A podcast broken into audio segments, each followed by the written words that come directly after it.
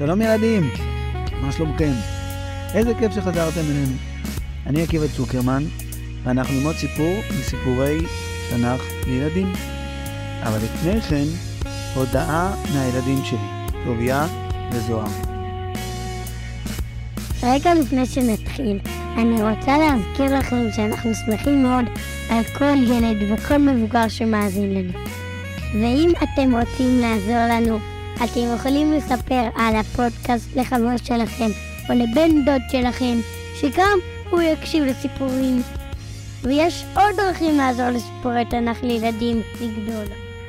אתם יכולים לדרג אותנו באפליקציה שבה אתם מאזינים. זה מאוד יעזור לנו. אפשר גם לתרום לנו כסף בביט או בפייבוקס. יש פרטים בדף של הפרק. רבים מכם תורמים ועוזרים לסיפורי תנ"ך לילדים לגדול ולהיות מקצועית יותר. תודה רבה לכולכם, ועכשיו לסיפור. בפעם הקודמת, אתם בטח זוכרים, הסתיימה לה תקופה. שלמה מת, ועם ישראל, כל שבטי ישראל, לאלפים ולרבבות, על מנהיגיהם, על נשיהם, על טפם ועל זקניהם, התכנסו בשכם על מנת למשוח בשמן המשחה את רחבעם בן שלמה למלך על כל ישראל. אבל אז הגיע לשם ירבעם בן נבט. הגיע מגלות ארוכה, הוא ברח למצרים והתחבא שם מפני שלמה כמה שנים, וברגע ששלמה נפטר, ירבעם חזר לארץ ישראל. הוא הגיע לשכם, וביחד עם כל ההמון הגדול שהתכנס שם, ויחד עם כל האנשים החשובים בעם ישראל, עם כל הזקנים והשרים והראשים והיועצים, הם ניגשו לרחבעם בתחילת טקס המשיכה וביקשו ממנו, בבקשה, הקל מעלינו את העול, כבד לנו, קשה לעם ישראל. אבא שלך, שלמה, הטיל עלינו עול כבד, תקל אותו. רחבעם היה המום מהבקשה. הוא חזר לירושלים להתייעצויות, והבטיח לתת תשובה תוך שלושה ימים. העצות שהוא קיבל לא כל כך עזרו לו, הם אפילו הקשו עליו, בגלל שהוא לא קיבל את אותה העצה מכל היועצים. היועצים הזקנים יעצו לו, אל תלך ראש בראש נגדם, אל תילחם איתם, אל תתנגד אליהם, תקשיב להם. אתה צריך לבנות אמון. אתה צריך למצוא דרך לשתף פעולה. אחרת, אתה עלול להיות מלך בלא עם, וזה עלול להיגמר לא טוב. אבל היועצים הצעירים יותר, הנמרצים, המוכשרים והמבטיחים, יעצו לו, הילדים יעצו לו, אלה שגדלו איתו בארמון, אמרו לו, אל תקשיב לעם, לא כדאי לך, אסור לך. להפך, תגיד להם, אבא שלי היה קשה? אבא שלי ייסר אתכם בשוטים. אני אייסר אתכם בעקרבים. המכות שלי, צר לי להגיד לכם, יהיו הרבה יותר קשות. שלא יחשבו שתחתיך הם הולכים לחגוג ולעשות מה שהם רוצים. שלא תהפוך ממלך שמוביל את עם ישראל להיות מלך שעם ישראל מוביל אותו. שלא תהפוך, חס וחלילה, ממלך בטעות למשרת. רחבעם היה מבולבל משתי העצות ההפוכות שהוא קיבל. הוא לא ידע מה לעשות. הוא לא ישן כל הלילה. והוא לא עשה כלום במשך היום, הוא פשוט ישב ובהה. עד שכבר לא הייתה ברירה. הוא היה חייב לעלות על המרכבה שלו, ויחד איתו גם כל הפמליה שלו חזרה לשכם. בשכם היו עדיין הרבה אנשים. היו כאלה שחזרו הביתה ולא נשארו. אבל היו כאלה שחזרו הביתה, וביום השלישי חזרו חזרה לשכם. והיו גם כאלה שנשארו שם שלושה ימים וחיכו לאירוע הגדול של הכתרת מלך ישראל. רצו לשמוע מה התשובה שרחבעם ייתן. הפמליה והכרכרה המלכותית הגיעו חזרה לשכם. רחבעם יצא בצעדים נמרצים מהמרכבה, נעמד על הבמה בלי לבקש את רשות הדיבור, בלי ברכות ובלי טקסיות. נעמד על הבמה והתחיל לדבר בקול רם, כמעט בצעקות. עם ישראל, חשוב שתדעו, אני מתכוון להיות המלך שלכם. אני לא יודע מה אתם מדמיינים, אבל התפקיד שלי הוא לעשות דברים גדולים. ובשביל דברים גדולים צריך לעבוד קשה וצריך מיסים. ואני הולך לעשות את זה בצורה הכי טובה שאני יודע, ואני יודע. אבא שלי היה מלך מאוד עדין. אולי לא הבנתם את זה. אולי לא הערכתם את זה. כנראה שבקרוב תבינו כמה אבי, המלך שלמה, היה עדין. אם אבי ייסר אתכם בשוטים, אני אייסר אתכם בעקרבים. אני הולך לעשות את זה הרבה יותר חזק, הרבה יותר מהיר והרבה יותר קשה. אז תהיו מוכנים, ועכשיו אפשר להתחיל בהכתרה. עוד לפני שרחבעם הגיע למילים האחרונות לה, ועכשיו אפשר להתחיל בהכתרה, נשמע מין זמזום כזה של אה, מכל הקהל, מכל הקצוות שלו ומכל הפינות. רחבעם מתיישב על הכיסא המיוחד שהכינו לו, חיגה שיגשו אליו נציגי הזקנים ויתחילו בהכתרה. אבל מה שקרה זה שהזמזום התחזק, והמון המון אנשים התחילו ללכת החוצה, מהטקס, החוצה מהאירוע, החוצה משכם. אלפי אנשים, אולי אפילו עשרות אלפי אנשים, פשוט חזרו הביתה ולא נשארו שם. הם כעסו מאוד על התשובה של רחבעם. האמת, הם לא רצו שהוא יהיה המלך שלהם. לא מדובר על איש אחד שלא היה מרוצה, או איש אחד שהלך הביתה. מדובר על עשרות אלפי אנשים שפשוט קמו מהמקום שלהם והלכו לכיוון היציאה. הם לא רצו לקחת חלק במשיכה של רחבעם בן שלמה. לא רצו להיות שייכים לזה. לא כולם הלכו, נשארו כמה אלפי אנשים, כמה אלפים בודדים. זה הרבה אנשים, אבל זה לא מתקרב לכמות העצומה של האנשים שהייתה שם לפני כן. וגם היה משהו משותף בין כל האנשים שנשארו. אתם יודעים מה?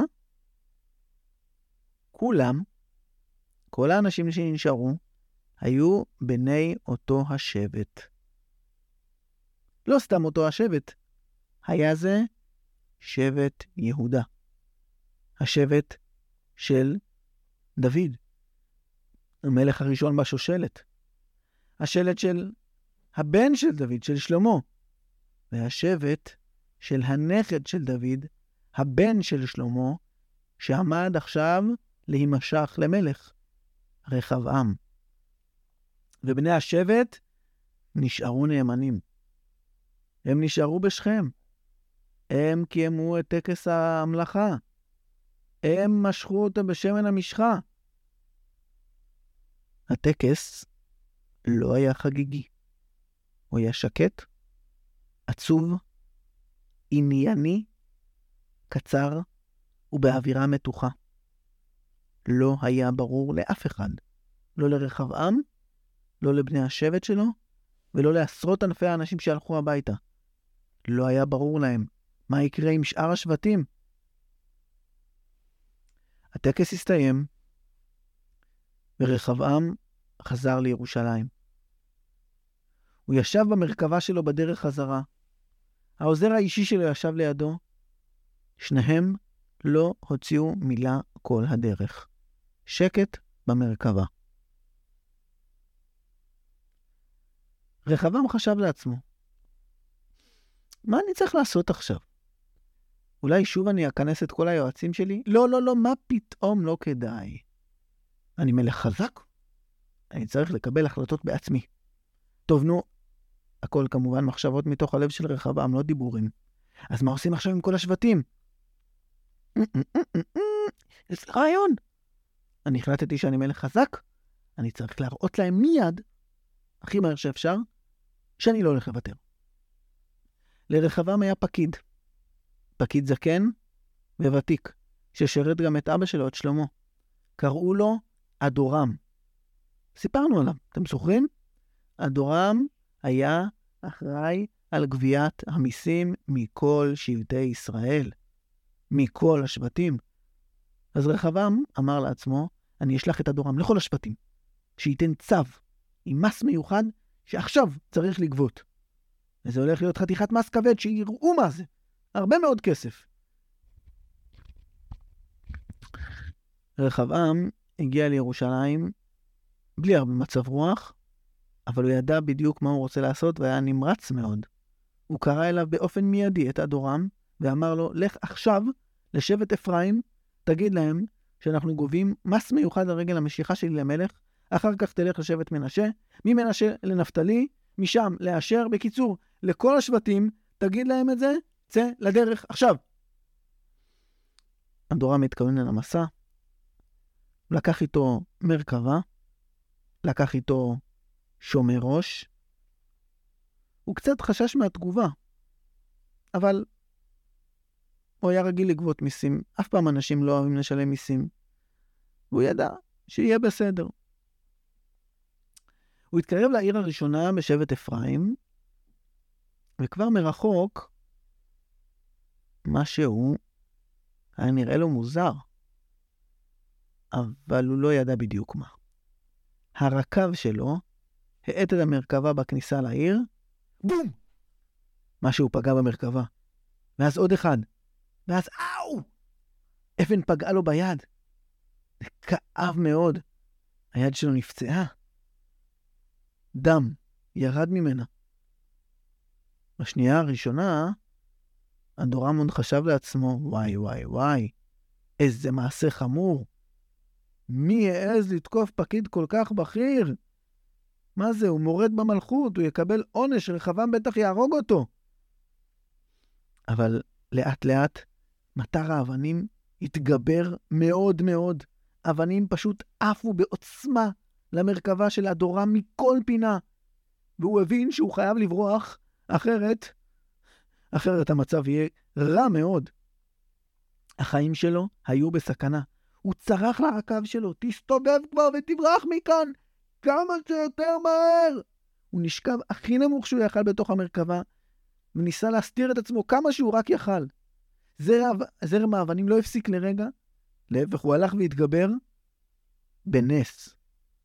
אדורם הצליח לצאת משם. רחבעם שמע על הסיפור הזה וכעס מאוד. ואז, אז הגיעה לירושלים השמועה ששברה את רחבעם. כל עם ישראל, כל השבטים יחד, כמובן חוץ משבט יהודה, וחוץ משבט בנימין, שגם הם היו נאמנים והצטרפו לשבט יהודה, שמרו על נאמנות למלך רחבעם, אבל כל, השאר, כל שאר השבטים התכנסו יחד, משכו למלך מישהו אחר, במקום רחבעם. ואתם יודעים את מי הם משכו למלך? מי הם המליכו במקום רחבעם? את ירבעם בן נבט. רחבעם רתח מזעם, רתח מזעם. הוא הזמין אליו את כל האנשים החשובים בממלכה שלו, את כל בעלי התפקידים הבכירים, את מפקד הצבא, את מפקד המודיעין, את מפקד המשטרה, את כל השרים, את כל היועצים. כולם ישבו שם בחדר בדממה. רחבעם היה מותש, ראו עליו, על העיניים שלו, כמה הוא עייף, והוא גם כעס מאוד. והוא פשוט, הוא כאילו נהם, כאילו יצאו לו, הוא, הוא דיבר, אבל, אבל זה היה נשמע כאילו חיה פצועה מדברת. אני צריך פתרון. המצב לא יכול להמשיך ככה. אנחנו לא יכולים לתת להם להמליך מלך אחר. חייבים להחזיר את הגלגל אחורה. תקשיבו לי ותקשיבו לי טוב. אני רוצה פתרון מלא ומקיף, לא פתרון חלקי. פתרון שיצליח ויעבוד. קדימה.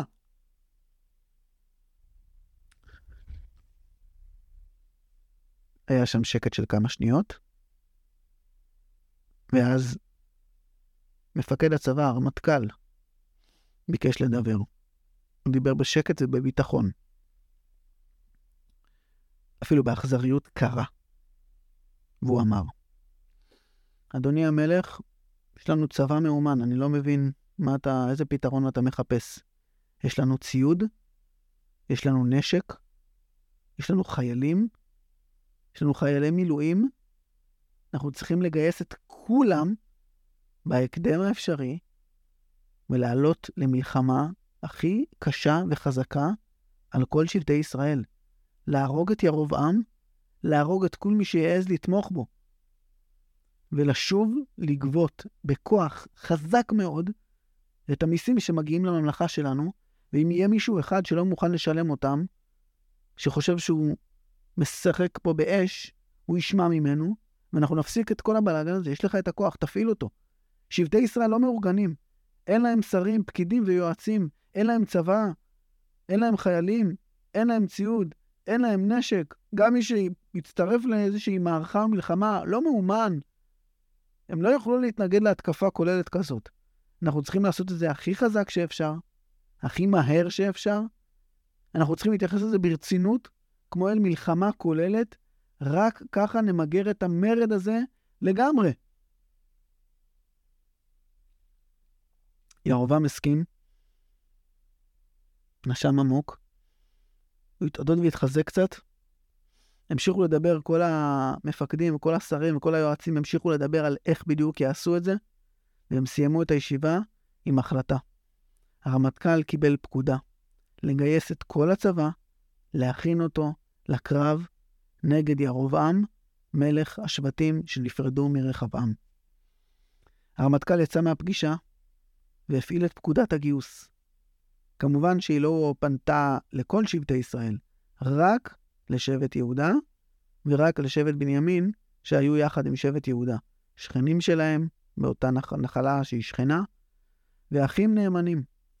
תוך ימים ספורים, 180 אלף איש התייצבו על הגבול שבין בנימין לבין אפרים. עוצמה צבאית רצינית ביותר של כוחות מאומנים ומצוידים היטב, שהתכוננו לקרב הגדול מול שבטי ישראל. הם עמדו לצאת לדרך, היו מוכנים בכל ההיבטים, הם התאמנו, הם הכינו תוכנית, הם הכינו ציוד, הם עמדו מוכנים לפקודת הקרב, אבל אז קרה משהו ששינה קצת את התוכניות שלהם. אתם יודעים מה קרה שם? אתם יודעים מה בדיוק הם שינו בתוכנית? מעניין. אנחנו נספר על זה, בעזרת השם, בפעם הבאה של סיפורי תנ"ך לילדים. תודה רבה שהאזנתם לנו. להתראות.